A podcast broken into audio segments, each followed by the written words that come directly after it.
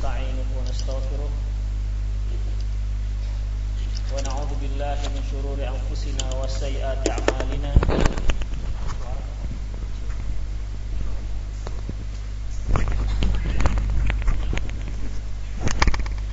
من يهده الله فهو المختد ومن يضلل فلن تجد له وليا مرشدا أشهد أن لا إله إلا الله وحده لا شريك له وأشهد أن محمدا عبده ورسوله الذي لا نبي بعده. وقال الله سبحانه وتعالى يا أيها الذين آمنوا اتقوا الله حق تقاته ولا تموتن إلا وأنتم مسلمون.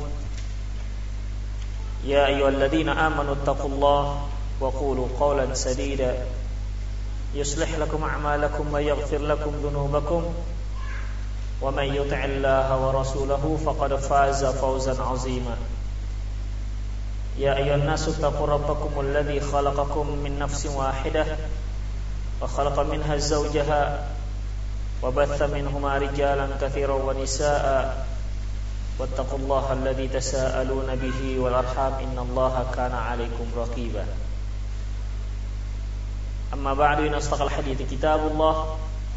وخير الهدي هدي محمد صلى الله عليه وسلم وشر الأمور محدثاتها وكل محدثة بدعة وكل بدعة ضلالة وكل ضلالة في النار. باب ما يكره ما يكره من الصلاة على المنافق معلوم النفاق. باب dibencinya solat terhadap orang-orang munafik terhadap seorang munafik yang sudah dikenal dengan kemunafikannya. Qala ta'ala Allah Subhanahu wa ta'ala firman wala tusalli ala ahadin minhum mata abada wala takum ala qabrih. Janganlah kamu Muhammad solat terhadap salah seorang mereka yang mati selamanya. Janganlah kamu mensolati mereka selamanya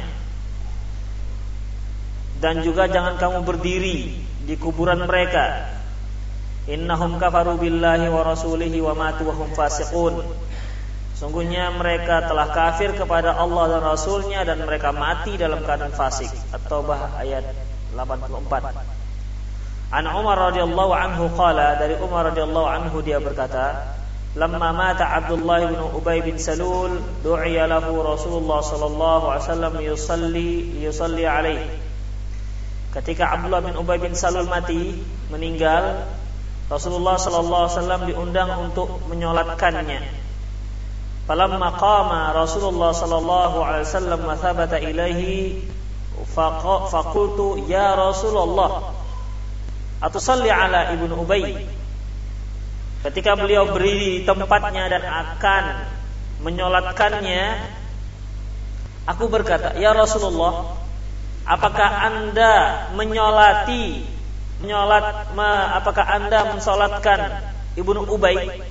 Karena Umar bin Khattab Faham sekali bahwasanya Abdullah bin Ubay bin Salul Adalah seorang munafik Dan banyak di antara para sahabat yang mengetahui tentang kemunafikan Abdullah bin Ubay bin Salul oleh karena itu ketika Rasulullah mau menyolatkan Abdullah bin Ubay bin Salul, Umar bin Khattab bertanya, bertanya di sini pertanyaan protes. Ya Rasulullah, Anda menyolatinya? Wa qala yawman kada wa kada wa. Sesungguhnya dia telah berkata begini dan begitu, begini dan begitu. Artinya Umar bin Khattab menceritakan apa yang diucapkan oleh Abdullah bin Ubay bin Salul tentang kemunafikannya, tentang uh, apa namanya uh, pengejekannya terhadap syariat, tentang pengolok-olokannya terhadap Islam. Rasulullah ada salat menyolati mayatnya Abdullah bin Ubay sementara dia pernah mengatakan begini dan begitu. Ada alai kaulah. Umar bin Khattab mengulang ucapan ini.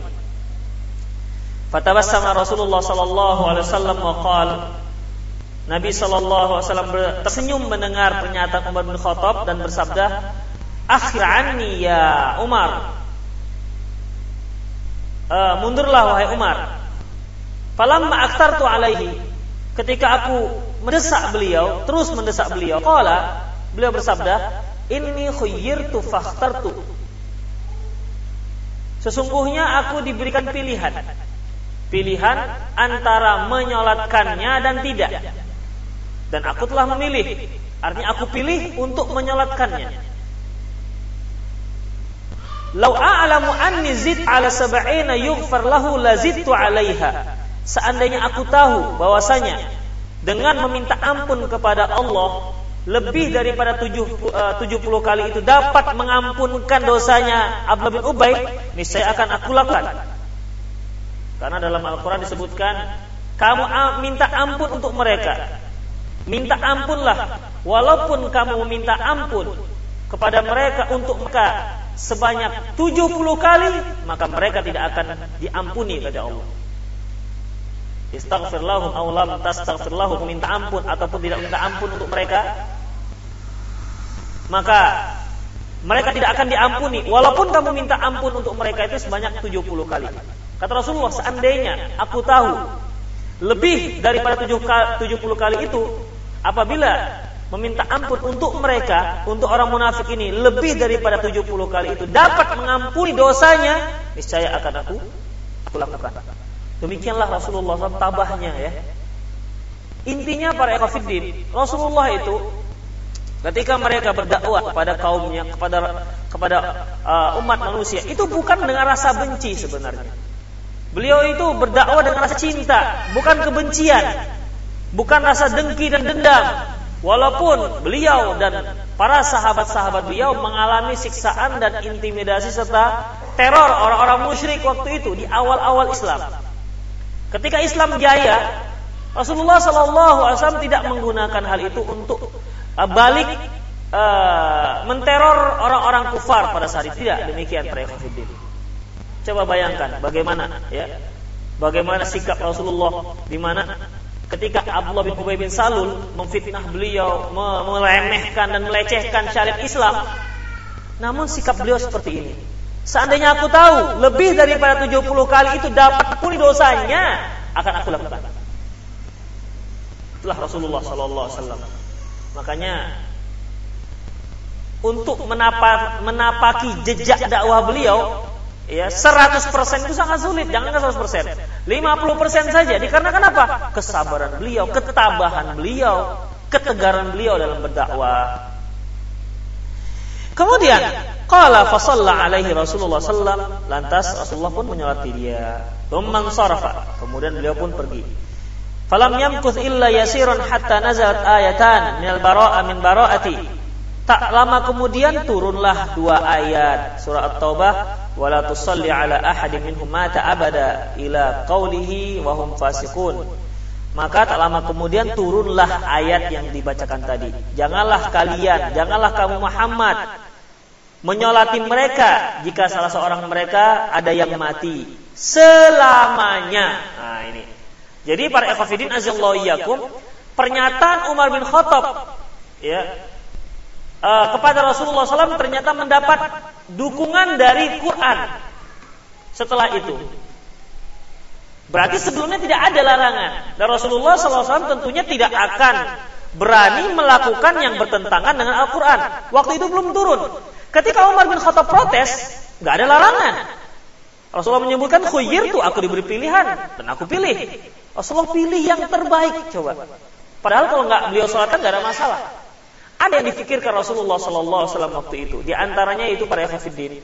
Abdullah bin Ubay bin Salul ini kan zahirnya Islam. Ya, zahirnya itu Islam. Kalau seandainya beliau tidak menyolatkannya, atau kalau seandainya beliau uh, membunuh Abdullah bin Ubay bin Salul, orang-orang akan melihat, akan berkomentar bahwasanya, Muhammad ternyata membunuh sahnya sendiri. Ternyata Muhammad juga tidak mau menyolatkan sahabatnya sendiri. Inilah yang sebenarnya dipikirkan oleh Abdullah, uh, Rasulullah Sallallahu Alaihi Wasallam. Mudarat yang akan menimpa kaum muslimin. Ya. Secara zahir, karena pada umumnya, pada umumnya manusia itu menilai secara zahir. Yang batin mereka nggak tahu. Ya, yang batin mereka nggak tahu. Oleh karena itu pun para ekafidin, kita pun harus menjaga yang zahir. Jangan sampai tingkah laku kita itu membuat orang lain berburuk sangka. Misalnya uh, si A misalnya dikenal seorang yang multazim. Tiba-tiba terlihat di muka pintu bioskop misalnya ya di muka pintu bioskop diri-diri atau terlihat baru keluar dari kolam renang perta misalnya wajahnya terlihat baru mandi begitu ya baru mandi ini sepertinya orang ini baru berenang kan bergabungan para ikhwit-ikhwit yang ada di sana Zohirnya kan bagaimana? Zohirnya orang ini sepertinya baru dari bioskop. Zohirnya orang ini baru berenang. Di tempat pemandian umum seperti itu yang dilarang oleh Rasulullah Sallallahu Alaihi Wasallam. Itu zahirnya.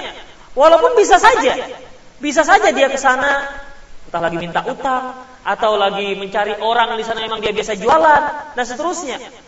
Namun para khafidin azallahu perkara-perkara seperti ini, ini bisa mengundang orang lain berburu sangka. Makanya tidak uh, kita dilarang untuk berburu sangka, namun kita juga dilarang untuk apa namanya? Dilarang untuk melakukan perkara-perkara yang akhirnya orang lain berburu sangka kepada diri kita.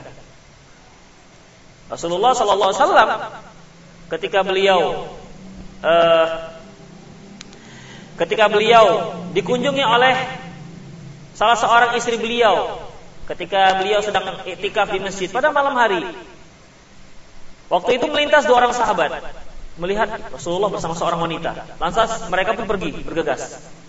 Apa kata Rasulullah? Ala rislikuma. Tenang, tenang kalian. Coba sebentar, sebentar. Apa kata Rasulullah? Ini adalah istriku. Ini adalah istriku. Apa kata sahabat ini? Allahu Akbar. Berarti apa yang dia sangka tidak benar. Apa kata Rasulullah? Rasulullah melihat gelagat seperti itu. Rasulullah melihat gelagat seperti itu. Apa kata Rasulullah? Inna syaitan yajri majrad Setan itu mengalir dalam aliran darah. Artinya manusia itu mudah untuk berburu sangka. Rasulullah menyebutkan dalam sebuah hadis sahih bahwasanya ada tiga perkara yang manusia tidak bisa terlepas dari hal itu. Pertama, dhon, buruk sangka. Kemudian hasad, dengki, iri. Yang ketiga, atau tayur menganggap sial satu permasalahan. Ini tidak terlepas, tidak ada yang terlepas dari tiga hal ini. Oleh karena itu kan Rasulullah fa'idah dhanan tafala tabghi. Apabila apabila kamu berburuk sangka, ada prasangka-prasangka uh, fa'idah dhanan tafala hakik. Apabila kamu berburuk sangka, kamu jangan meneliti kebenaran tersebut. Seperti kelihatannya dia di bioskop, sepertinya dia baru berenang. Padahal anak ini tamat pesantren begitu. Satu pesantren misalnya ada dua orang, tiga orang baru keluar dari situ. Iya apa enggak? Jangan tanya-tanya datang ke sana. Iya pak. Tadi datang ada tiga orang anak di sini. Itu orang pesantren ada pak. Ciri dia begini. Tak usah. Tidak usah. Ya. Kemudian uh, apabila kamu iri, falata beri. Faidah hasad falata beri. Kalau kamu iri, dengki, Jangan lanjutkan. Apa namanya? Jangan ada tindak lanjutnya. Karena manusia itu uh, sebagaimana dikatakan Ibnu Qayyim tidak suka kalau ada orang lain yang lebih hebat dari dia. Gak suka. Yang selevel. Yang selevel ya. Tapi kalau yang satu tukang beca, yang satu SBY, nggak akan ada tukang beca iri dengan SBY. Tapi kalau tukang beca biasanya iri sama tukang beca, sama tukang bangunan iri sama tukang bangunan, pedagang sama dan seterusnya. Itu dia para ikhwatiddin azallahu iyyakum. Kemudian wa idza tatayyarta wa idza tatayyarta fala famdi apabila ada prasangka-prasangka ataupun pra keyakinan-keyakinan ataupun uh, apa namanya uh, dugaan-dugaan tatayur maka lantak saja artinya langgar saja. Misalnya kalau ada yang mengatakan kalau ada anak bungsu laki-laki nikah dengan anak bungsu perempuan, dua-dua bungsu. Kalau orang bilang maka salah satu dari keluarganya pasti yang mati. Ya, ini ini tah, tahyulnya. Bagaimana? Kalau memang ada seperti itu, coba laksanakan. Bungsu-bungsu ah kita kita lakukan. Jadi kita kita langgar. Dilanggar supaya tidak untuk menghilangkan uh, khurafat-khurafat seperti itu. Demikian para ikhwatiddin azallahu iyyakum. Jadi di sini Rasulullah SAW ya memang tidak mau melakukan hal itu, artinya tidak mau membunuh ataupun uh, tetap mau menyolatkan dikarenakan khawatir ada dugaan-dugaan di luar. Demikian para ikhwatiddin. Lantas turunlah ayat ini. Qala fa'ajibtu ba'da fa'ajibtu ba'du min jur'ati ala Rasulullah sallallahu alaihi wasallam Aku merasa aneh dengan keberanianku terhadap Rasulullah pada waktu itu. Wallahu wa rasuluhu alam. Min fikhil bab. Hadis diriwayatkan oleh Imam Bukhari. Di antara fikih bab yaitu tahrimus shalah 'alal kuffar wal munafiqin alladzina ulima ulima nifa ulima nifaquhum bimujaharati bimujaharati wa ada'i sharih lidinillahi tabaraka taala wa muharabati li awliyaihi. Diharamkan salat terhadap orang kafir dan orang munafik yang terang kemunafikannya, jelas kemunafikannya dan memusuhi dengan dengan terang-terangan memusuhi agama Allah taala dan wali-walinya. Au tabayyana kufruhum bima yadhhar ala alsinatihim minal kalimati fiha ghamzun fi ban ahkami syar'iyyah. Atau ketahuan kekafirannya melalui ucapan-ucapan yang dia lontarkan mengolok-olok hukum syariat. Wastihjanihi dan melecehkannya Misalnya ada orang yang melecehkan hukum syariat atau ada yang e, mengolok-olok. Dari itu bisa disimpulkan orang sepertinya kafir misalnya. Waqad asyara Allah tabaraka taala ila haqiqati fi qawlihi dan Allah Subhanahu wa taala telah mengisyaratkan tentang e, hakikat ucapannya am hasibal ladina fi qulubihim maradun alla yukhrijallahu adghanahum Apakah orang-orang yang dalam hatinya ada penyakit Allah tidak akan keluarkan rahasianya? Ini merupakan uh, para kafirin janji Allah Subhanahu wa taala terhadap orang-orang yang berpura-pura masuk Islam pada satu saat nanti akan ketahuan. Pada suatu saat akan ketahuan bahwa ini adalah orang kafir. Walau nasya la'inakahum fala araftahum bisimahum wa ta'rifannahum fi hanil qaul. Kalau kami kehendaki kamu kami bisa memperlihatkan kepada kamu tanda-tandanya dan kalian dapat mengetahui mereka dari ucapan-ucapannya. Wallahu ya'lamu a'malakum dan Allah lebih mengetahui, mengetahui atas apa yang kamu lakukan. Yang kedua, wa tahrimul istighfarul musyrikin. Diharamkan beristighfar terhadap orang musyrikin artinya berdoa minta ampun atas dosa-dosa mereka. Walau kanu ulil qurba walaupun kerabat kita. Termasuk misalnya kalau ayah kita jangan pula dikatakan oh ayah saya almarhum misalnya. Ya ayah saya ayah saya yang masih Buddha masih Hindu misalnya masih Nasrani dua tahun yang lalu meninggal rahimahullah. Tidak dibolehkan. Ya tidak dibolehkan Likauli ta'ala berdasarkan firman Allah Subhanahu wa taala, "Maka nabi nabi walladzina amanu ayastaghfirul musyrikin walau kanu ulil qurba min ba'di ma tabayyana lahum annahum ashabul jahim." Tidak layak bagi orang bagi nabi dan orang-orang yang beriman meminta ampun untuk orang-orang musyrikin walaupun mereka adalah kerabat terdekat. Setelah jelas bagi mereka bahwasanya kerabat-kerabat tersebut adalah penghuni neraka jahim, penghuni neraka jahanam. Wa maka istighfaru Ibrahim li abi illa mau'idati wa'ada ayyah.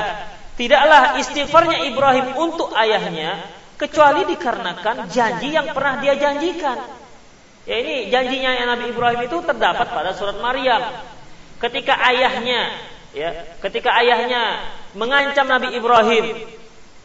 La illam tantahi la arjuman nakawahjurni maliya. Ya Ibrahim, kamu jangan lanjutkan dakwahmu. Karena Nabi Ibrahim sudahlah uh, membuat kaumnya malu dikarenakan membantai ataupun menghancurkan berhala-berhala. Sementara berhala itu buatan ayahnya sendiri. Nama ayahnya Ibrahim siapa? Azar, Uzza. Uzza itu berhalanya orang Quraisy. Azar. Ya. Itu buatan ayahnya. Ayahnya seorang pematung ulung, pembuat tuhan-tuhan yang disembah. Allah alam bisa bisa saja ayahnya ini berang dikarenakan eh kamu tak yang menyuruh untuk tidak menyembah berhala. Dia mikir mungkin ya, ini kalau orang nggak menyembah berhala lagi hilanglah mata pencaharian kita kan begitu. Siapa lagi mau beli berhala? Kalau nggak ada beli berhala, mau cari profesi lain nggak ada. Makanya diancam Nabi Ibrahim, la ilam tantai ya Ibrahim, kamu hentikan dakwahmu, la ilam tantai la arjumannaka. Atau aku rajam kamu. Rajam kamu itu artinya dipukul sampai mati. Wahjurni malia atau engkau pergi, tinggalkan negeri ini, tinggalkan kampung ini. Nah, di situlah Nabi Ibrahim, di situlah Nabi Ibrahim memberikan janjinya kepada ayahnya.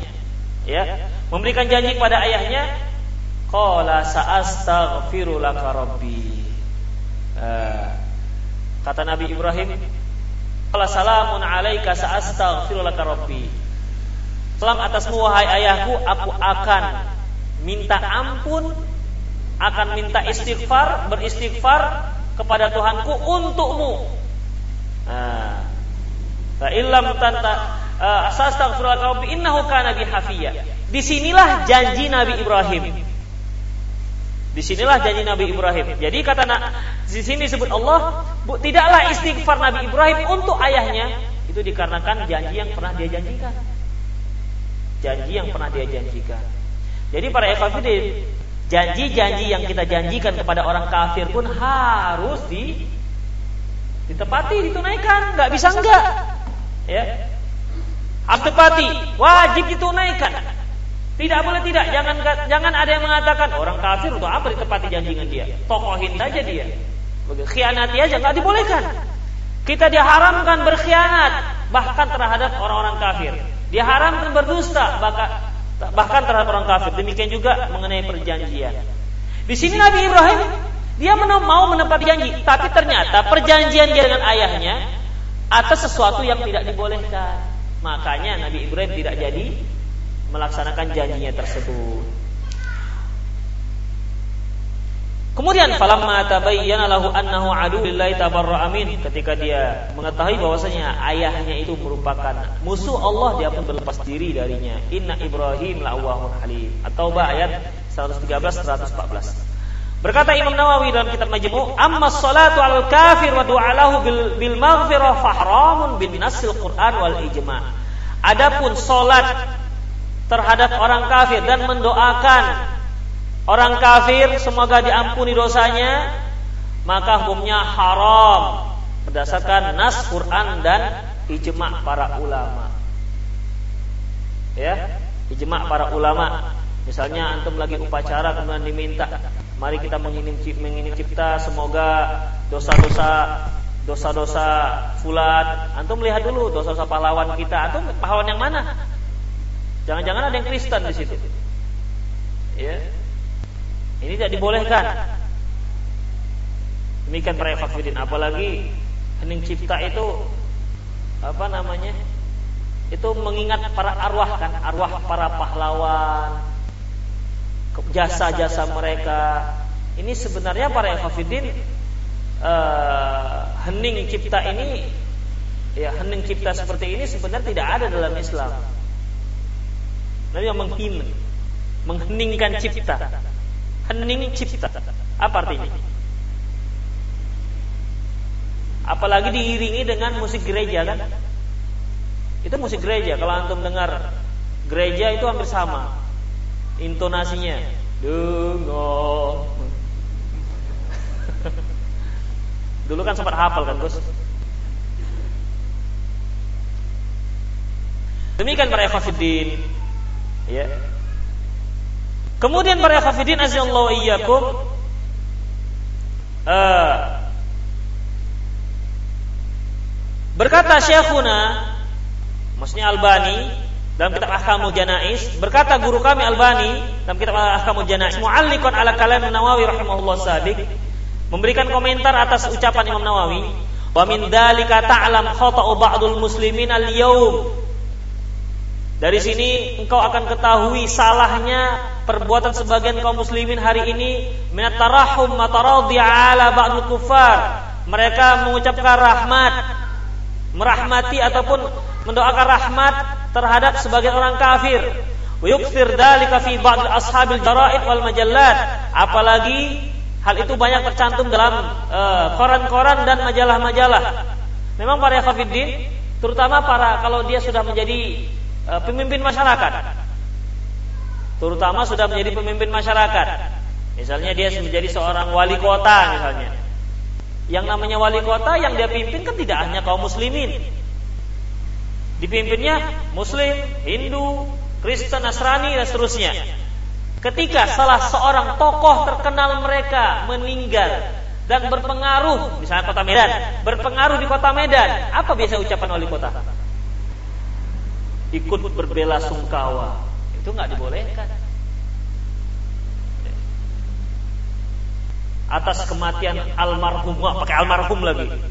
Almarhum ujungnya sinaga misalnya seperti waktu Olo meninggal. Olo itu orang Hah? Itu dari mulai apa namanya? bundaran Bukopin, kalau Jakarta bundaran HI, bundaran Bukopin sampai Talemang Benteng. Ucapan cukup turut berbela sungkawa, berbela sungkawa. Demikian para ikhwatiddin. Makanya antum kalau mau mencalonkan jadi wali kota, ingat-ingat ini. Bisa nggak nanti ini dilalui? Waqat sami itu ahadur ru'asail Arab. Nah, ini juga masalah ini juga apa namanya uh, terlibat orang-orang para pemimpin-pemimpin Arab. Aku mendengar salah seorang pemimpin orang, pemimpin negara Arab, al-ma'rufin bitadayyun wa tarahum ala Stalin syuyu'i alladhi huwa wa madhhabuhu ashaddu wa aladdu a'da 'ala din. Aku mendengar salah seorang pemimpin bangsa Arab yang ma'ruf, seorang yang memiliki agama yang kuat, di mana dia mengucapkan rahimahullah, tarahum, merasa apa namanya uh, mengasihani terhadap Stalin, komunis. Jadi turut berduka cita, dia berduka cita atas kematian Stalin. Eh, seharusnya kok berduka cita. Padahal Stalin ini madhabnya dia, pemikiran dia jelas bertentangan dan jelas menentang agama Islam. Wadhalika fi kalimati alqaha rais al-musyaru ilaihi bimunasabati wafatil madkur udhi'at di radio. Yaitu ini diketahui ketika dia memberikan sepatah dua patah katanya memberi sambutan pada waktu wafatnya pada hari wafatnya Stalin yang disiarkan di radio. Kan biasanya kalau para pemimpin-pemimpin ini untuk mengingat memperingatkan orang-orang populer yang top meninggal ya. Dia pun memberikan apa namanya turut berbela sungkawa turut berduka cita dan seterusnya.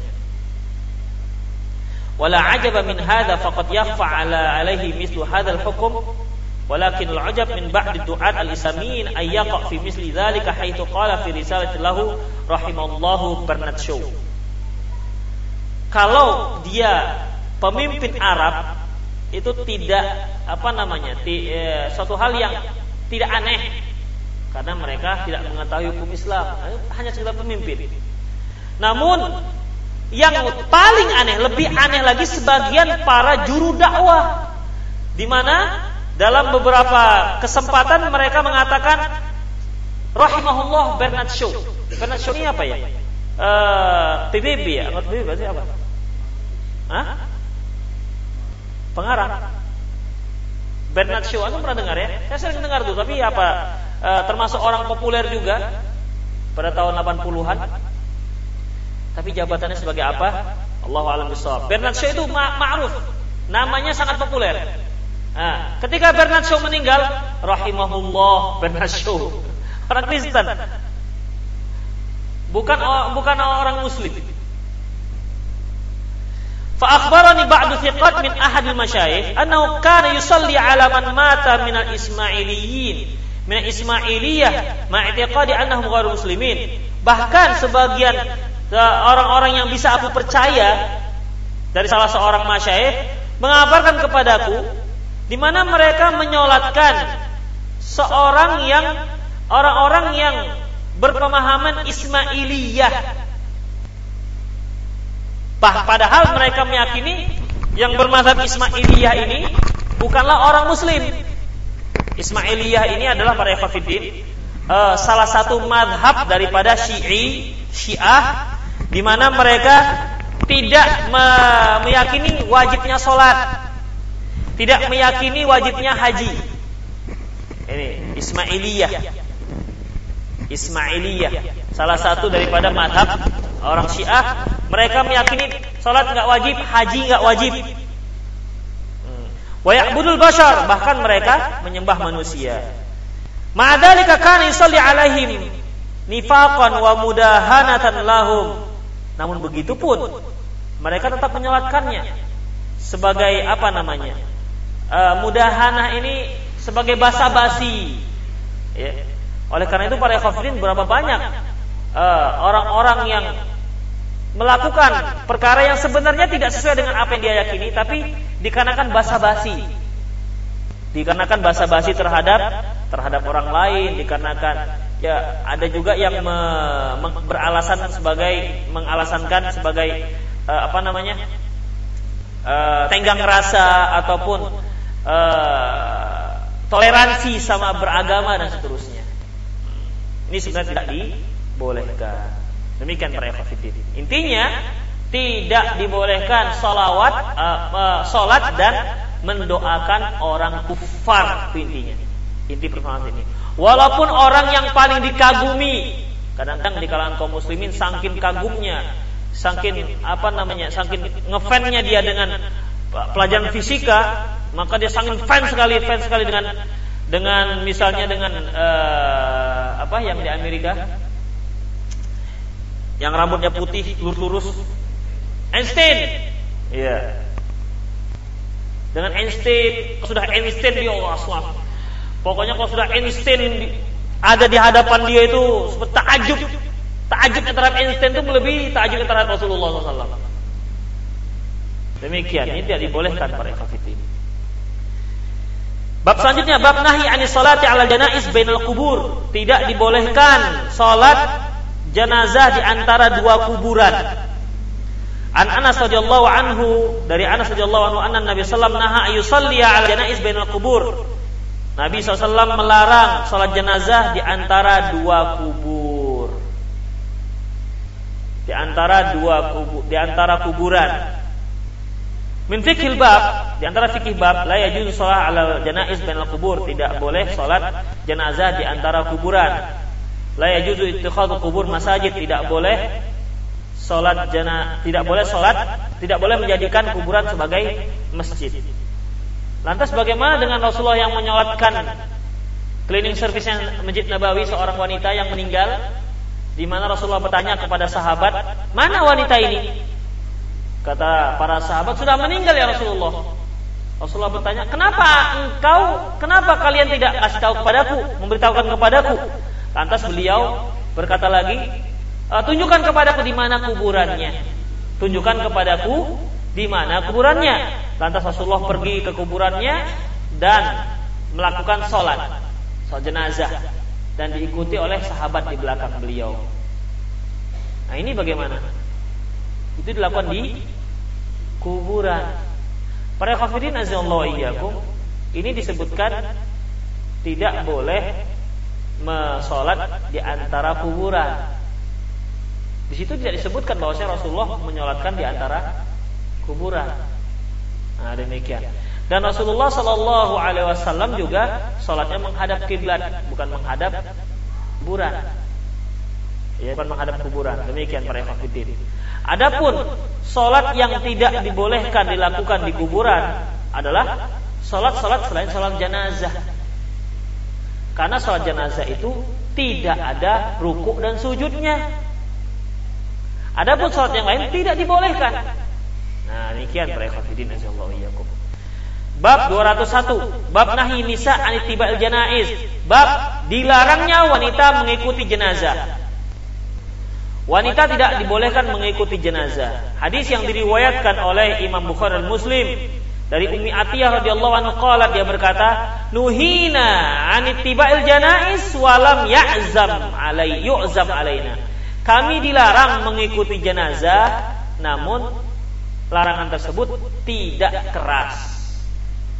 Dari hadis ini sepertinya Rasulullah tidak mengharamkan tapi memakruhkan. Min fikih bab, fikih bab pertama wujub tibal janais. Wajib hukumnya mengikuti jenazah. Walladhi huwa haqqul maitil muslim 'alal muslimin. Itu merupakan salah satu hak seorang mayit muslim terhadap kaum muslimin yang masih hidup. Innama huwa lirijali dunnan nisa dan itu ya kewajiban tersebut hanya untuk kaum laki-laki, wanita tidak. Linahin Rasulullah SAW lahunna anitibaihi karena adanya larangan Rasulullah SAW terhadap hal itu terhadap kaum wanita. Jadi kaum wanita ketika ada di antara keluarga yang meninggal tak usah diikuti, tak usah diikuti jenazah, jenazahnya biarkan saja, ya biarkan saja. Kalau kita lihat sebagian kaum muslimin banyak yang kerabat-kerabatnya malah sangat antusias sangat antusias mengikuti jenazahnya bahkan mereka pula yang pertama berkeliling di di kuburan itu sebagai sehingga kepayahan kaum laki-laki untuk memasukkan jenazahnya padahal hukumnya terlarang An-nahyu. Larangan ini larangan tanzih artinya makruh, tidak sampai pada haram. Nah, yang ketiga, fi hadis min al-fawaid al-usuliyah ma ya'ti. Dari hadis ini terdapat faidah-faidah usul yang akan disebutkan. Pertama, an-nahyu minal syari ala darajat. Yang pertama bahwasanya larangan dari syariat itu ada tingkatannya. Maksudnya para yafakiddin, ketika syariat melarang, itu larangan tidak memiliki satu hukum. Ya tidak memiliki satu hukum. Ada yang haram dan ada yang makruh. Makruh. Tahrim tanzihi namanya. Jadi dia terlarang namun tidak sampai kepada haram di mana kalau dilakukan berdosa. Di sini disebutkan Rasulullah melarang kami namun tidak di tekankan sekali. Artinya tidak diharamkan maksudnya. Kaidah yang kedua, al aslu fin tahrim. Pada dasarnya, pada dasar larangan itu adalah hukumnya haram. Semua yang tercantum dalam hadis dan yang tercantum dalam Al-Quran jika terdapat larangan janganlah kalian lakukan ini dan itu jangan begini dan begitu pada pada asalnya hukumnya haram makanya pada dasarnya dalam hadis ini, nuhina anittiba janazah, kata Ummu Atiyah. Kami dilarang mengikuti jenazah. Hanya sampai di sini. Kalau sampai di sini hadisnya, itu berarti kaum wanita haram mengikuti jenazah. Namun dikarenakan hukumnya bukan haram, maka Umi Atiyah memberikan keterangan tambahan. Walam yu'zam alaina. Namun tidak terlalu ditekankan. Artinya tidak sampai yang haram. Dari sinilah dapat disimpulkan bahwasanya pada dasarnya larangan itu hukumnya haram. Illa liqarinatin kama fi hadzal hadis kecuali adanya qarinah yang menunjukkan bukan haram. nah, kami dilarang mengikuti jenazah. ini hukumnya haram. tapi karena ada ujungnya walam ya'zum alaina tidak ditekankan berarti tidak haram jadinya. Demikian para. Bab selanjutnya, bab umur lati nuhiya anha fit tiba'il janais. Bab perkara-perkara yang dilarang ketika mengikuti jenazah.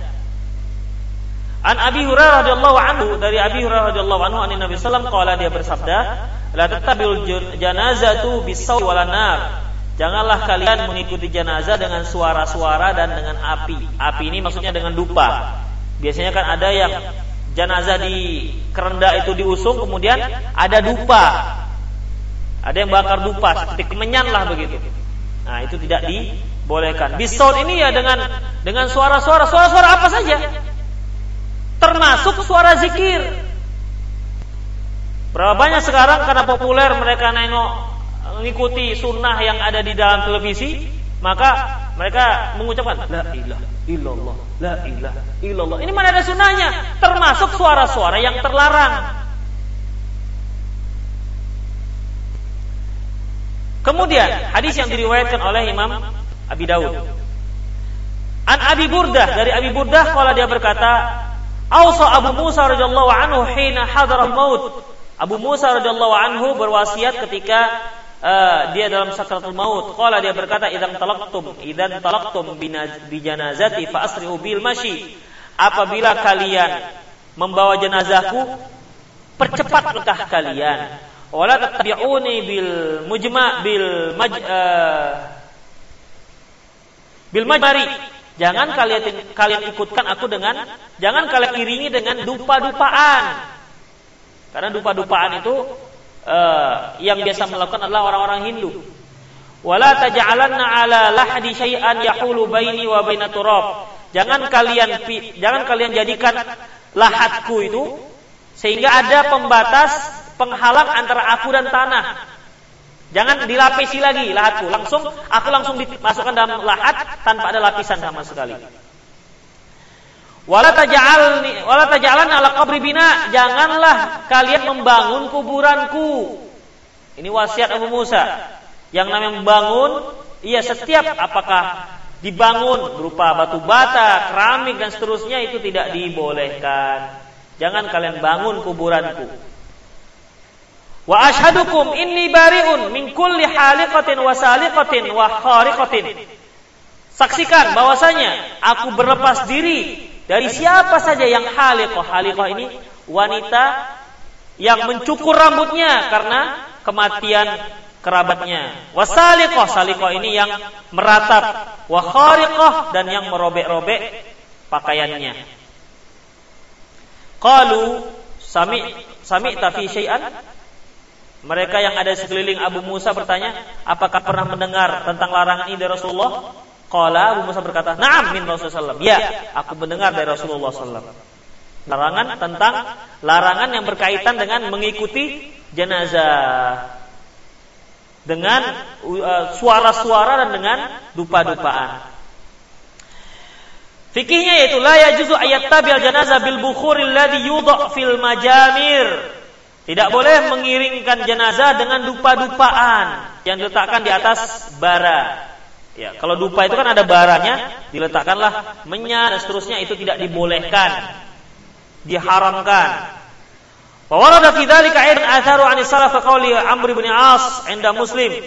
Dan larangan ini juga terdapat dalam ucapan Amr bin As yang diriwayatkan oleh Imam Muslim, "Fa idza ana mitu fala tusahibni nahiyah wala naro, wala narun."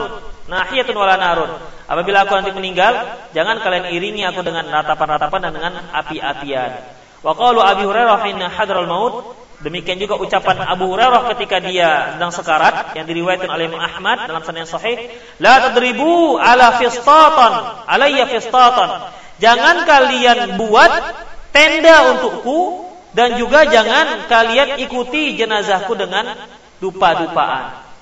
Jadi nggak boleh kita pakai tenda. Nah, gimana? Gak boleh pakai tenda ketika ada yang ber, uh, ketemu musibah. Bukan tenda itu para ikhwafidin yang dimaksud. Bukan tenda itu. Ya. Tenda yang me, apa namanya? Yang menaungi kuburan. Tapi kalau tenda itu ini kalau kalau kalau sepintas kalau antum pahami, jangan kalian buat tenda ketika aku akan meninggal. Berarti nggak boleh buat tenda di depan rumah. Ya pada umumnya sekarang pakai tenda. Demikian. Kemudian yang kedua, yakrahu saut walau bidzikr. Dibenci suara, mengangkat suara walaupun suara zikir. Nah, ini juga harus dicamkan. Karena Rasulullah mengatakan uh, uh, Rasulullah menyebutkan bahwasanya tidak dibolehkan mengangkat suara ketika mengiringi jenazah. Di sini keterangannya tidak boleh mengangkat suara ketika mengiringi jenazah walaupun dengan zikir. Apa ada dalilnya? Ya, likauli Kais bin Ubad berdasarkan ucapan Kais bin Ubad yang diriwayatkan oleh Imam Baihaqi kana ashabun Nabi wasallam yakrahuna rafasat inda janais bahwasanya sahabat Nabi SAW membenci mengangkat suara, bersuara ketika mengiringi jenazah. Demikian para ikhwatiddin. Kita nggak tahu juga ketika sedang populernya ucapan la ilaha illallah, la ilaha illallah ketika mengiringi jenazah sampai jenazah itu dimasukkan dalam kuburan, nggak tahu dari mana asal usulnya ini. ya tidak tahu dari mana asal usulnya. Zikir-zikir penggiring seperti ini. Padahal termasuk dalam keumuman tidak dibolehkannya mengangkat suara. Ada juga yang mengangkat suara ketika dia baru keluar dari masjid dengan mengucapkan Al-Fatihah tiga kali ya kan? Al-Fatihah. Satu langkah Al-Fatihah. Itu dibaca Al-Fatihah serentak. Al-Fatihah Alhamdulillah Bismillahirrahmanirrahim Alhamdulillah Amin. Satu langkah lagi Al-Fatihah.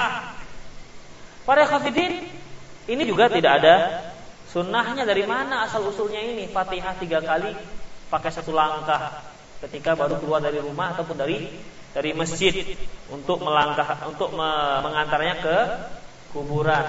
Ada lagi yang menyuruh ke bawah keranda. Semua keluarganya disuruh sebelum ini dia diberangkatkan dan ketika itu e, sedang digendong oleh para penggiring kerabat-kerabatnya diminta untuk menyuruh ke bawah kerenda tiga kali. Sekali, dua kali. Seperti orang main yeye itu. Sekali, dua kali, tiga kali. Anaknya, istrinya. Antum tahu e, maksudnya itu apa? Supaya nggak didatangi. Iya benar. Saya pernah tanya, ini ngapain ini? Ini supaya nggak didatangi. Padahal yang meninggal itu yang paling dia cintai. Ketika sudah meninggal nggak pengen juga didatangi. Demikian para ikhwatiddin.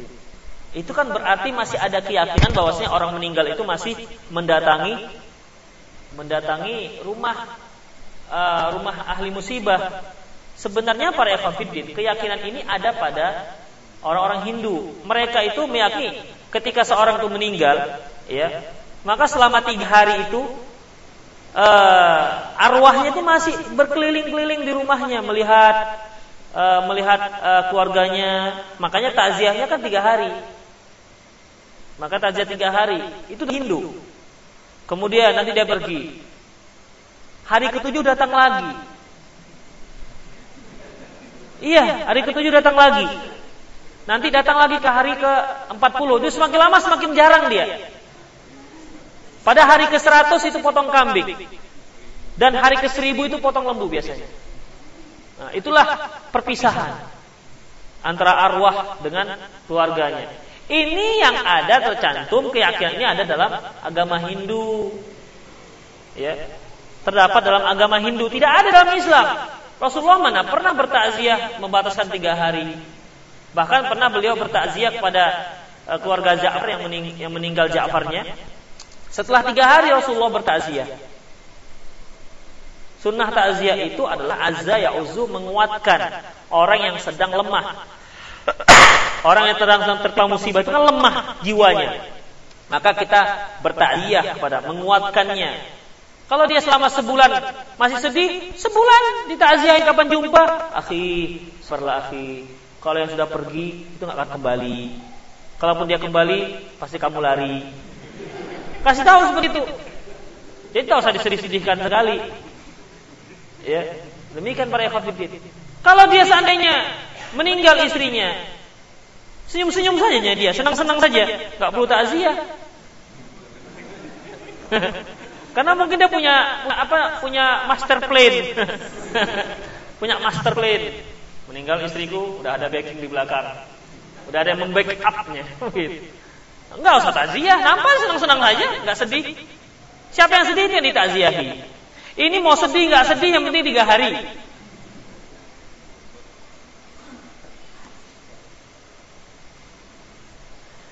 Kemudian para ikhwatiddin azallahu ya kita lanjutkan. Uh.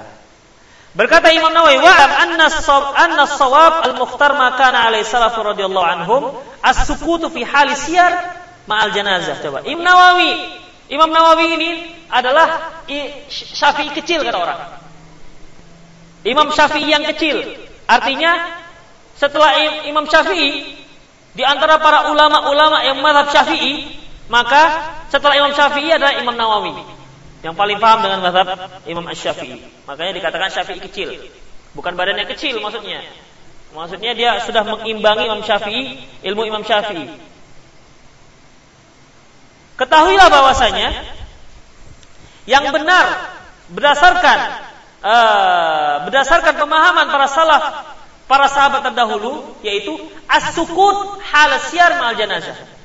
Yaitu diam ketika mengikuti jenazah. Tidak usah banyak cerita. Apalagi tertawa-tertawa. Hihihi, huhu di belakang jenazah. Itu tidak dibolehkan. Falayar sautu bikiroah tidak boleh mengangkat suara dengan bacaan. Tuh Imam Nawawi mengatakan. Wala zikir tidak juga zikir. Wala ghair dalik juga tidak selain daripada itu.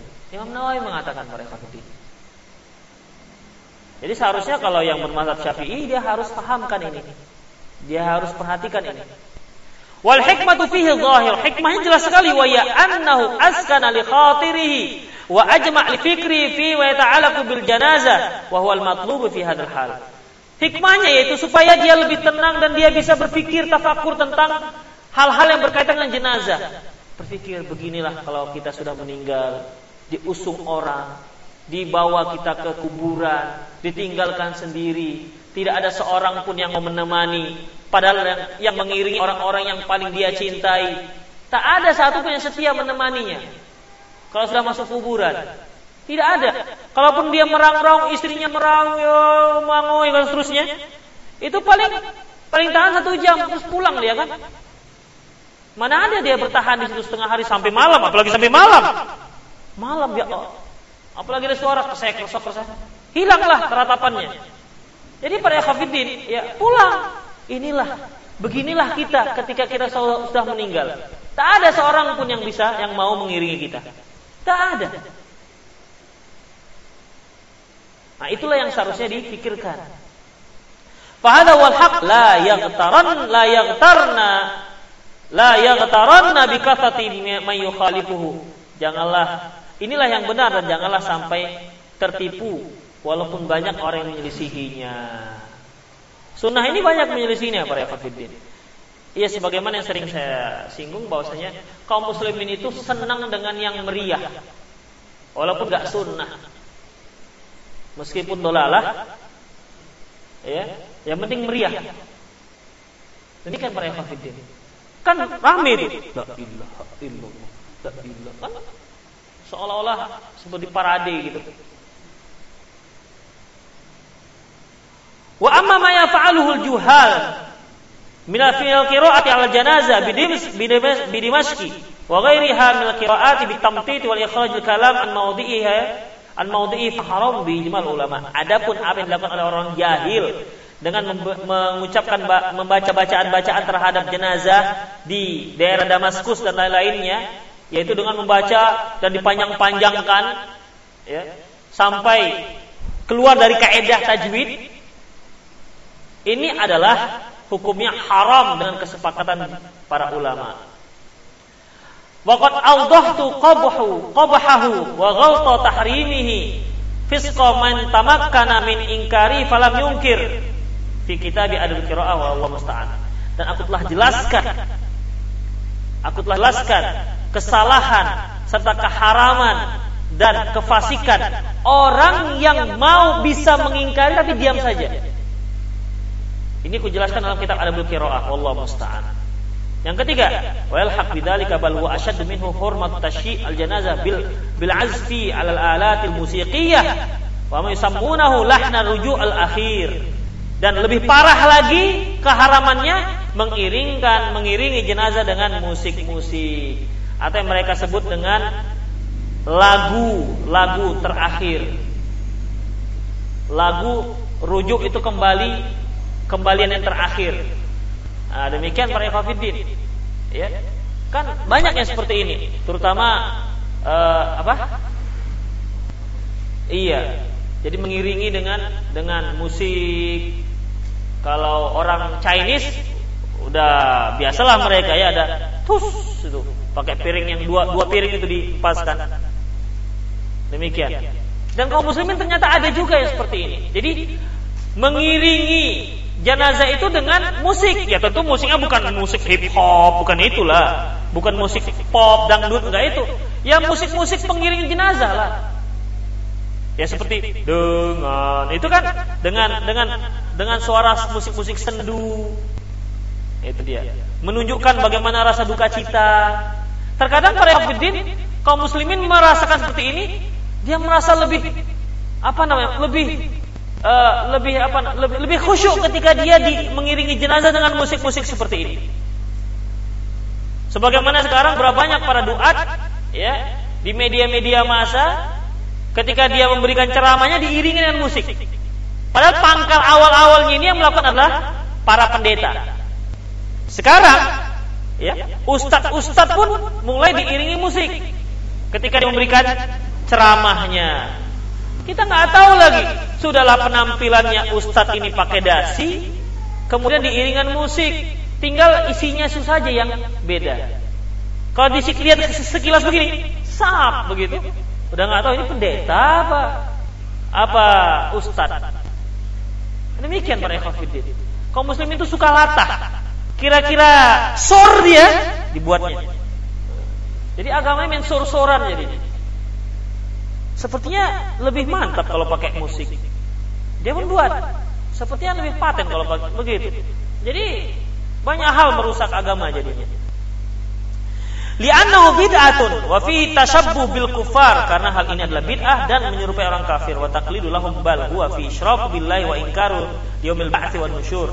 Bahkan ini merupakan taklid e, mengikuti mereka ya menurut orang kafir bahkan ada kesyirikan dan keingkaran terhadap hari berbangkit. Demikianlah para kafirin azallahu yakum di mana bab terakhir ini menunjukkan ya beberapa perkara yang tidak dibolehkan ketika mengiringi jenazah di antaranya tidak mengiringi jenazah dengan dupa-dupaan ya kemudian tidak mengiringi jenazah dengan suara-suaraan apakah suara manusia apakah suara ratapan apakah suara zikir atau bacaan Quran apalagi yang lebih parah kalau diiringi dengan suara termasuk juga suara azan ya Nah, disiringi dengan suara musik dan seterusnya. Demikian rekhafuddin.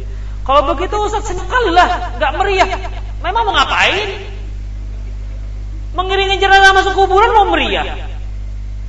Ya senyap lah memang kita memikirkan ini jenazah begini-begini.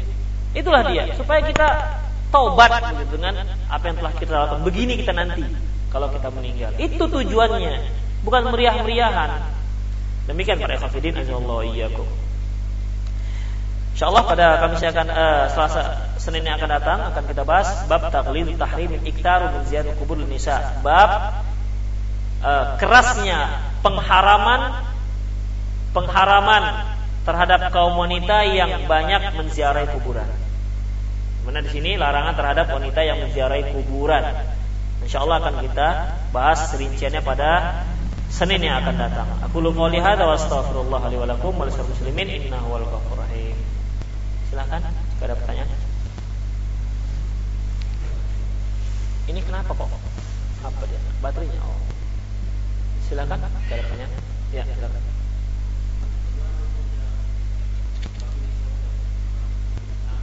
Ya nanti akan ada penjelasannya mengenai apa saja yang nggak boleh dilakukan berkaitan dengan kuburan. Ya nanti akan dijelaskan.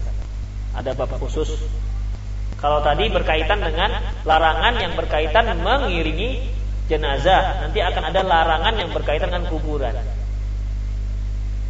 Ya. Mengantarkan uh, mengantarkan jenazah dengan kendaraan para khafidin ya sunnahnya mengantarkan jenazah itu dengan dipanggul berjalan kaki itu sunnahnya namun jika tempatnya jauh, nah, jika tempatnya jauh, maka itu boleh dengan kendaraan. Mengapa tidak dibolehkan dengan kendaraan? Pertama, tasyabuh dengan orang kafir. Pada pangkalnya, pada asalnya, membawa jenazah dengan kendaraan itu adalah orang kafir yang melakukan. Makanya para kafirin, uh, kaum muslimin itu untuk melaksanakan sunnah mengiringi mengang, uh, mengiringi jenazah, mengusung jenazah dengan berjalan kaki, ya. Ini kaitannya sunnahnya apa? Dengan mengadakan tempat-tempat pemakaman kaum muslimin di setiap desa. Kalau sampai adanya pelokalisasian e, kaum muslimin jauh dari luar kota misalnya, maka hal ini berarti nggak bisa diusung. Nah demikian mereka ya. Kemudian e, kalau dengan kendaraan banyak sunnah-sunnah yang tidak bisa dilaksanakan. Di antaranya apa? Sunnah mengikuti jenazah. Karena sunnah dalam mengikuti jenazah, mengiring jenazah, perginya dengan cara berjalan kaki. Rasulullah Sallallahu Alaihi Wasallam mengikuti jenazah dengan berjalan kaki. Dan yang mengikuti jenazah itu di belakang, bukan di depan. Tidak ada yang di depan.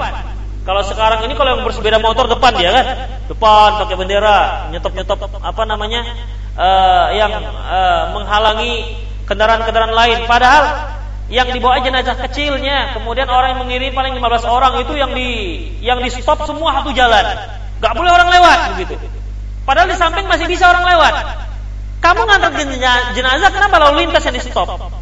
Kadang-kadang sampai macet di belakang, kasihan. Ya. Nah ini juga harus diperhatikan.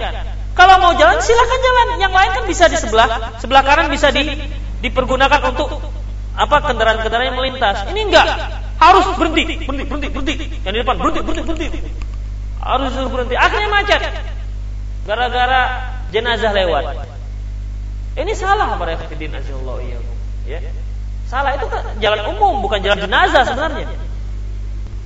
Jenazah jalannya nggak di jalan umum, pinggir-pinggir jalan. Nah, demikian ya.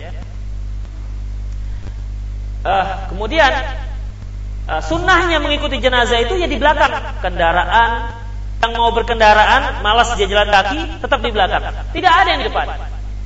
Itu dia. Tidak ada yang di depan. Nah, adapun pulangnya itu boleh berkendaraan. Rasulullah SAW pernah ditawarkan pergi dengan berkendaraan, beliau tidak mau. Apa kata Rasulullah? Saya lihat malaikat pun berjalan. Malaikat berjalan masa saya berkendaraan. Nah, ketika pada pulangnya beliau barulah berkendaraan. Demikian ya ya. Jadi uh, kalau seandainya pakai uh, jenazah dikit-dikit pakai kendaraan, pakai pakai ambulan, kita jalan kaki gimana ngikutinya? Begitu sampai udah pulang orang. Nah, itu dia para hafidin ya. Maka Syekh Albani rahimahullah juga ketika beliau meninggal wafat, sebelum wafat beliau memberi wasiat. Maka kalau aku wafat nanti jangan uh, jangan uh, usung jenazahku dengan menggunakan kendaraan. Mungkin antum pernah lihat bagaimana uh, jenazahnya Syekh Bimbas. Hah? Syekh Bimbas waktu beliau meninggal. Itu kan diusung. Padahal itu ketua ketua muihnya di apa namanya di Arab Saudi lebih disegani dibandingkan Raja Fat. Lebih disegani dibandingkan Raja Fat. Tengok bagaimana mereka di diusung. Itu diusung dengan dipanggul. Oh, ribuan ribuan manusia mengelilinginya. Itulah para. Raja Fahad. Ya, lihat bagaimana kuburannya. Raja, tapi cuma batu-batuan. Karena keplor saja udah enggak karu-karuan kuburannya. Kecuali ya, kecuali kalau memang pekuburannya itu jauh. Misalnya 5 km ya kan pengper juga itu. Ada mengusung jenazah. Jenazah itu berat loh Pak. Akan lebih ringan kalau antum menggendong orang hidup dibandingkan orang yang meninggal. Demikian. Maka sekali-sekali cobalah usung jenazah, jangan tengok-tengok dari jauh. Kalau pas sudah ngusung jenazah dari jauh-jauh. Alasannya saya kan rendah pak. Carilah tim yang rendah juga. Bolehkah kambing atau satu lembu betina jadikan hewan kurban? Para khafidin, ya, tidak ada ketentuan diwajibkan harus kambing ataupun lembu yang jantan. Tidak ada. Boleh yang betina. Namun akan lebih baik jantan. Mengapa demikian? Biasanya jantan itu lebih mahal, lebih banyak dagingnya. Ya, yang jantan itu lebih mahal dan lebih banyak dagingnya dibandingkan betina. Kalau betina itu dia kadang-kadang gemuk tapi banyak lemaknya. Pada umumnya itu, baik yang betina maupun yang wanita kalau sudah gemuk banyak lemaknya. Kalau laki-laki dan jantan itu biasa lebih banyak dagingnya. Tapi alhamdulillah bukan untuk pedaging gitu ya. Jadi tidak ada larangan. Tidak ada larangan. Tapi kalau untuk di akikah tidak boleh lembu, harus kambing. Ustadz kapan waktu yang boleh menguburkan jenazah dan waktu yang tidak boleh dan bagaimana juga kalau hujan dan banjir? Iya. Kalau banjir, dia aja nggak selamat gimana jenazahnya? Jangan banjir.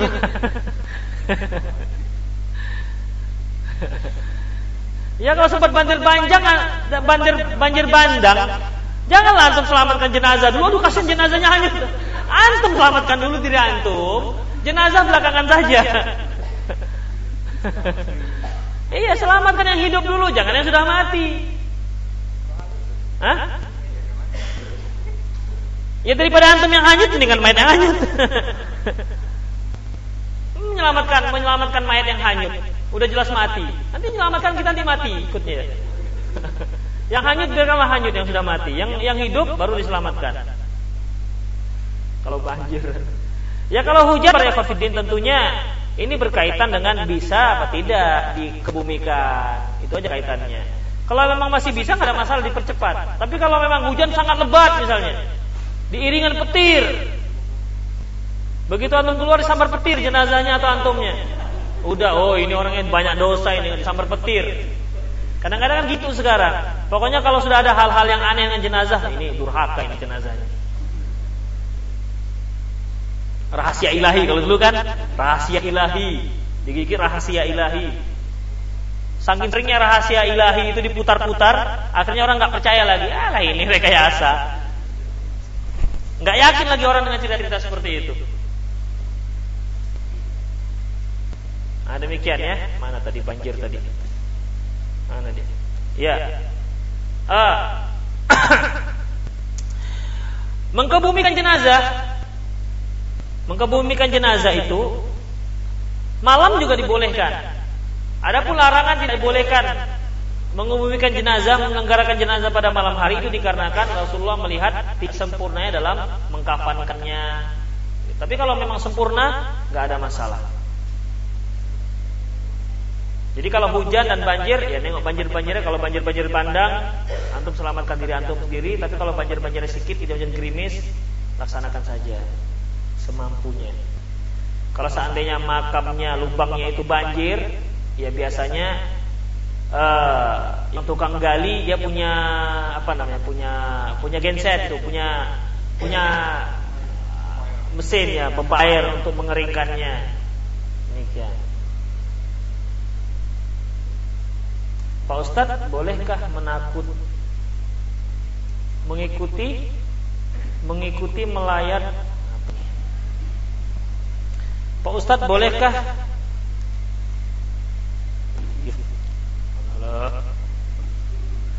Pak Ustadz bolehkah mengikuti melayat? Apa mengikuti melayat ini? Mengikuti melayat dari meninggal. Aduh ngerti saya. Coba kalimatnya agak diperbaiki sedikit. Biar mudah bacanya. Ini tulisannya diperbaiki sedikit biar mudah bacanya apakah ada Duh. Antum coba jangan pakai bahasa Arab ya nulisnya.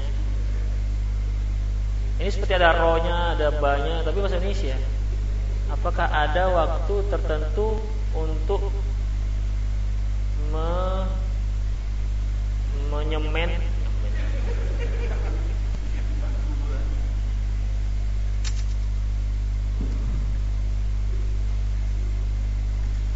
Ini biasanya kalau tulisan-tulisan yang agak kurang bisa dibaca itu biasanya pendidikannya sudah tinggi biasanya itu.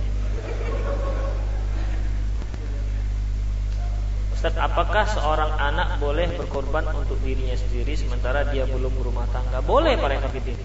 Gak ada masalah. Pada pada dasarnya ya, pada dasarnya seseorang itu boleh melakukan ibadah apa pun untuk dirinya sendiri. Bahkan anak yang belum balik pun boleh. Dan sah ibadahnya walaupun dia belum balik. Seperti haji misalnya, ya. Dia orang tuanya membawa dia naik haji, melaksanakan haji, sah hajinya. Jadi tidak ada hubungan dengan berumah tangga dan dan tidaknya. Itu yang belum balik, apalagi yang sudah balik. Ya, apalagi yang sudah balik. Jadi kalau dia memang dia mampu berkorban untuk dirinya sendiri, bagus. Gak ada masalah, tidak ada larangan. Bahkan satu perbuatan yang baik.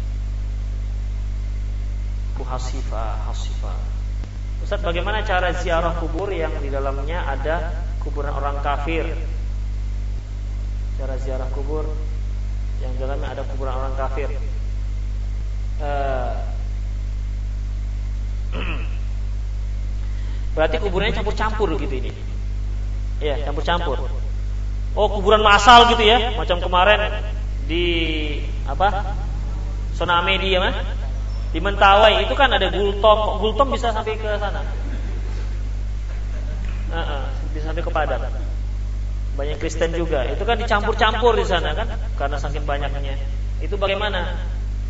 Para khafidin, kalau memang kuburan tersebut bercampur, ya, bercampur yang pada dasarnya dalam Islam nggak dibolehkan, Hukum asalnya tidak boleh pemakaman kaum muslimin bercampur dengan pemakaman orang kafir, harus dipisah.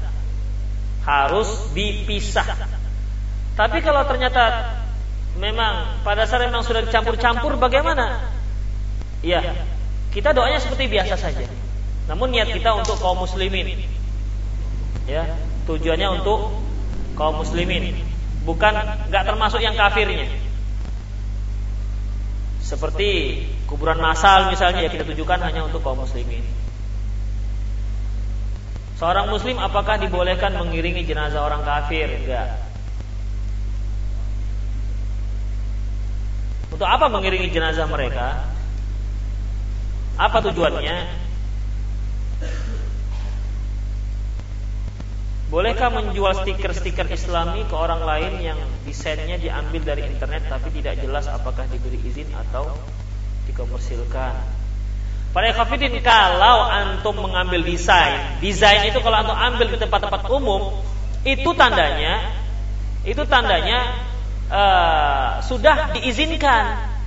Kalau seandainya nggak diizinkan, tentu dia akan buat website sendiri, kemudian membukanya harus pakai izin, harus pakai password dan lain-lainnya. Demikian. Misalnya antum punya uang, antum letak di bakul, taruh di pinggir jalan. Itu tandanya boleh orang ngambil. Oh, udah jelas? Jalan-jalan umum. Atau antum punya apa misalnya mie misalnya. Atau makanan misalnya. Antum memang sengaja letak di pinggir jalan kemudian letak dihidangkan di situ. Itu artinya untuk umum. Demikian juga kalau antum punya suatu kreasi karya terusnya tidak untuk umum, tentu akan tidak antum letakkan di tempat umum. Ya, tidak antum letakkan di tempat umum. Makanya yang dikatakan mencuri itu para ekafidin, kalau orang yang masuk ke tempat yang memang dia tidak izin. Tapi kalau uang antum taruh di depan di depan pintu, di depan pagar antum, letak, saya mau ke dalam sebentar, dompet saya saya letak di pinggir jalan. Diambil orang, pencuri dia nggak pencuri, nggak ada hukum untuk orang ini. Kenapa? Ini orang ini ngapain kalau di sini? Ya. Yang dikatakan mencuri itu memang dia letakkan tempat yang memang sudah dia jaga. Nah, demikian para ikhwatiddin. Bagaimana dengan ayam Pak Ustadz? Eh, ayam itu memang hidupnya kan di luar-luar. Jangan, oh itu kan umum berarti Ustadz. Enggak umum itu. Makanya para ikhwafidin mengenai keumuman dan tidak keumuman itu berkaitan dengan urfi masyarakat setempat. Jangan setiap yang di pinggir jalan berarti punya boleh diambil. Nanti kambing orang diambil, istri orang diambil. Tentu kan tidak demikian. Sesuatu yang biasa tempat tersembunyi kemudian diletakkan di tempat umum itu berarti dibolehkan. Demikian juga antum ambil desain. Ya. Uh, ada karya apakah itu berupa logo dan seterusnya itu tidak mengapa karena sudah diletakkan di tempat umum. Sudah diletakkan di tempat umum. Kalau nggak boleh, Ya orang itu harus jangan meletakkan di tempat umum. Internet itu tempat umum. misalnya begini, ada sebuah karya misalnya, karya tulisan buku misalnya, kemudian dia sebarkan di internet, dia sebarkan di internet, lantas diambil orang, dicetak dan dijual, ya, dan dijual. Itu tidak mengapa. Kenapa? Karena dia telah meletakkan di tempat yang umum. Hah? Kalau kecuali kalau ada diumumkan, tidak boleh mengkopi dan mencetak kecuali seizin itu lain lagi ceritanya. Tapi kalau nggak ada seperti itu, pada dasarnya dibolehkan. Ustadz saya sudah memelihara janggut, tapi janggut saya seiri sering rontok. Ada yang bilang jika jenggot kita sering rontok, maka masih banyak dosa-dosa kita yang belum diampuni. Apakah perkataan ini benar? Iya. Iya, iya betul betul betul. Uh, mengenai rontoknya jenggot itu tidak ada hubungan dengan dosa. Iya. Tidak ada hubungannya dengan dosa. Uh, sunnah jenggot itu dipelihara. Sunnah jenggot dipelihara. Yang ada dipelihara itu dia ya. Yang ada dipelihara yang klimis tak berjenggot tidak diperintahkan untuk memberi obat-obatan supaya jenggotnya keluar enggak juga saya nggak berjenggot wah saya pingin sunnah Rasulullah dibelilah Firdaus misalnya gitu kan. Diselemakkan di dagunya tumbuhlah dia misalnya. Dia ada sunnah seperti ini. Rasulullah menyuruh yang ada walaupun selembar dua lembar alhamdulillah. Ya itu yang dipelihara. Jadi yang ada yang dipelihara, yang nggak ada nggak usah dipelihara. Dan kalaupun rontok tidak ada kaitan dengan dosa. Kalau rontok itu berarti memang apa namanya jenggot antum itu kurang nutrisi.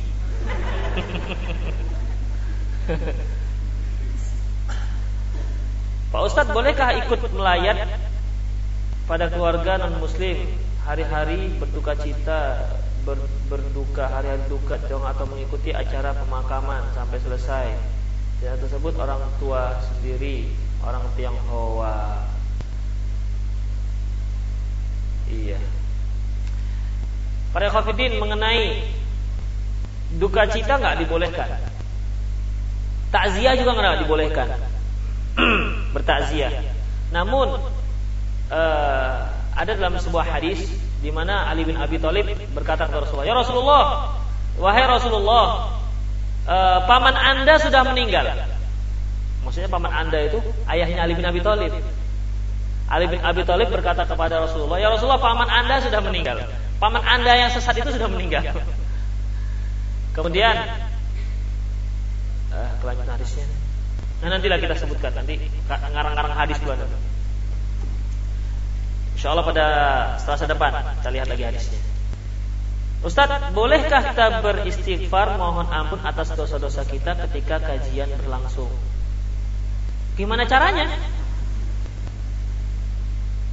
Ketika saya menyaksikan kajian antum astagfirullah, astagfirullah. Maksudnya ngejek ustaz atau gimana ini astagfirullah? Eh ya coba antum melihat kalau antum melihat orang astagfirullah, astagfirullah, astagfirullah. Marah orang itu kalau antum begitu kan. Iya lihat wajah orang astagfirullah kan. Memang kenapa dengan wajah saya asli astagfirullah kan?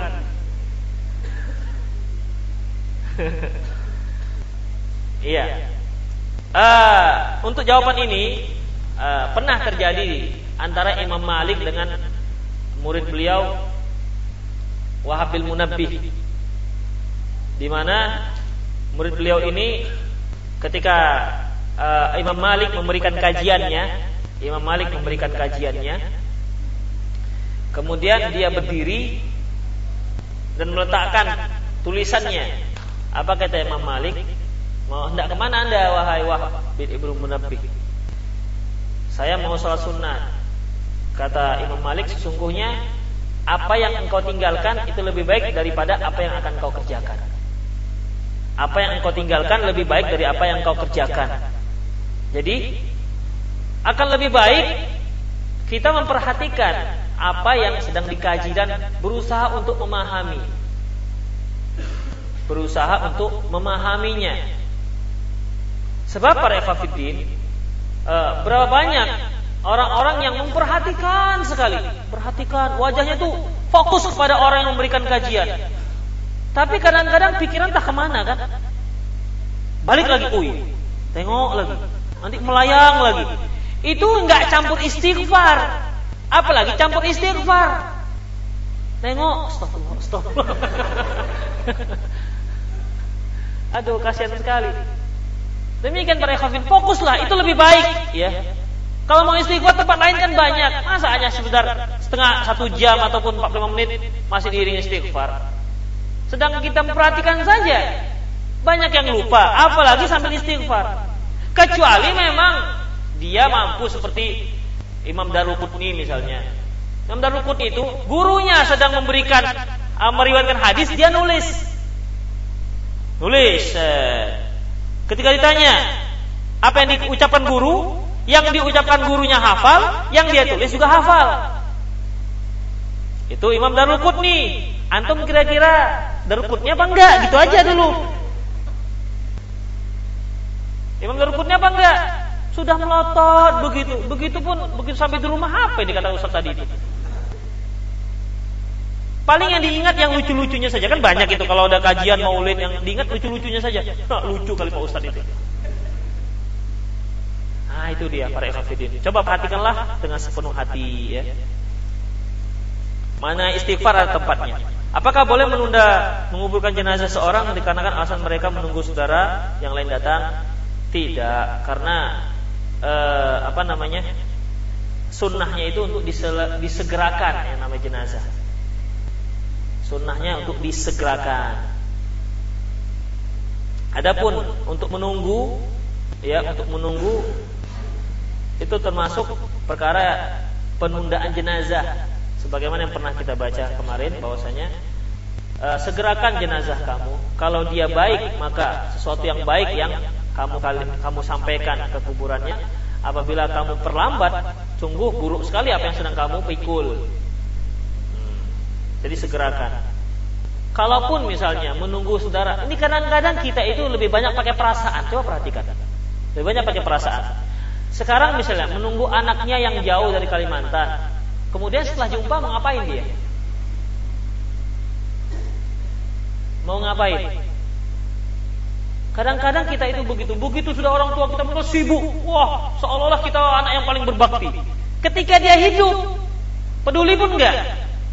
Dua tahun, tiga tahun nggak pernah nelpon orang tuanya, nggak pernah apa namanya berkunjung ke orang tuanya, mau sakit mau nggak sakit. Ketika meninggal, seolah dialah orang yang paling paling berbakti. Tunggu saya ya, tunggu saya ya, jangan dikebumikan ya. Begitu begitu lihat nangis, habis nangis selesai. Warisannya bung, warisan, warisan, warisan. Banyak seperti itu. Banyak saya lihat. Ketika orang tuanya masih hidup, Peduli pun tidak dia. Tapi ketika orang sudah meninggal seolah-olah dia orang yang paling berbakti dengan cara membangun kuburannya dengan cara yang mewah. Ini kan show saja namanya. Ya. Show. Berbakti kepada orang tua itu ketika dia masih hidup, bukan ketika dia sudah meninggal. Kalau kita memang sayang terhadap orang tua kita, caranya disegerakan. Bukan dia nunggu kita. Masa dia pula nunggu kita? Kalau kita sayang dia, biarkan dia segerakan segerakan dia sampai ke ke kuburannya. Udahlah ketika hidup tidak peduli, ketika meninggal kita juga yang menunda. Awas kalian ya kalau kalian tunda kalau kalian cepat-cepatkan ya kalau nggak nampak awas kalian. Dia pula yang ngancam. Nah inilah para ikhwafidin. Egonya itu, ego manusia itu semakin lebih banyak, ya. Egonya, dia nggak peduli dengan jenazah. Yang penting harus tunda, jangan sampai dikuburkan. Itulah dia. Dianya sebenarnya sebenarnya yang dipikirkannya bukan jenazahnya. Apa perhatikan. Saat kalau wanita dilarang untuk mengiringi jenazah, gimana kalau orang tua kita yang meninggal? Ah, bukan dilarang secara mutlak, tapi dimakruhkan. Ya. Mengapa dimakruhkan? Karena kaum wanita ini mereka mentalnya lebih lebih labil ketimbang laki-laki. Nanti dia saking sedihnya mengiringi jenazah suaminya, orang tuanya di jalan, jatuh misalnya. Pingsan dia kan jadi urusan. Kalau sekalian meninggal masukkan sekalian orang tuanya masih mendingan. Ini masuk rumah sakit lagi. Banyak hal yang diurus sampai ke kuburan, lemas dia. Kan banyak yang seperti itu kaum wanita. Pada umumnya kan wanita ini kalau sudah uh, nampak berita duka cita yang sangat mendalam dia shock, pingsan begitu. Misalnya uh, apa namanya tempatnya digusur, pingsan, kan wanita. Kalau laki-laki kan jarang pingsan-pingsan seperti itu. Makanya kaum wanita itu, ya Islam itu memperhatikan kaum wanita, itu merupakan rahmat bagi kaum wanita. Jangan sampai dia shock, jangan sampai dia pingsan tengah jalan. Kalau sampai dia wanita namanya pingsan tengah jalan, ya mungkin terbuka auratnya, mungkin macam-macam akan mungkin akan terjadi. Nah, demikian para Ya, demikianlah. Jadi kalau boleh mengiringi jenazah, namun hukumnya makruh. Hukumnya makruh. Demikianlah aku qouli hadza astaghfirullah li wa lakum wa lisal muslimin innahu wal ghafurur rahim. Subhanakallahumma rabbana wa bihamdika asyhadu an la ilaha illa anta astaghfiruka wa atubu ilaik. Assalamualaikum warahmatullahi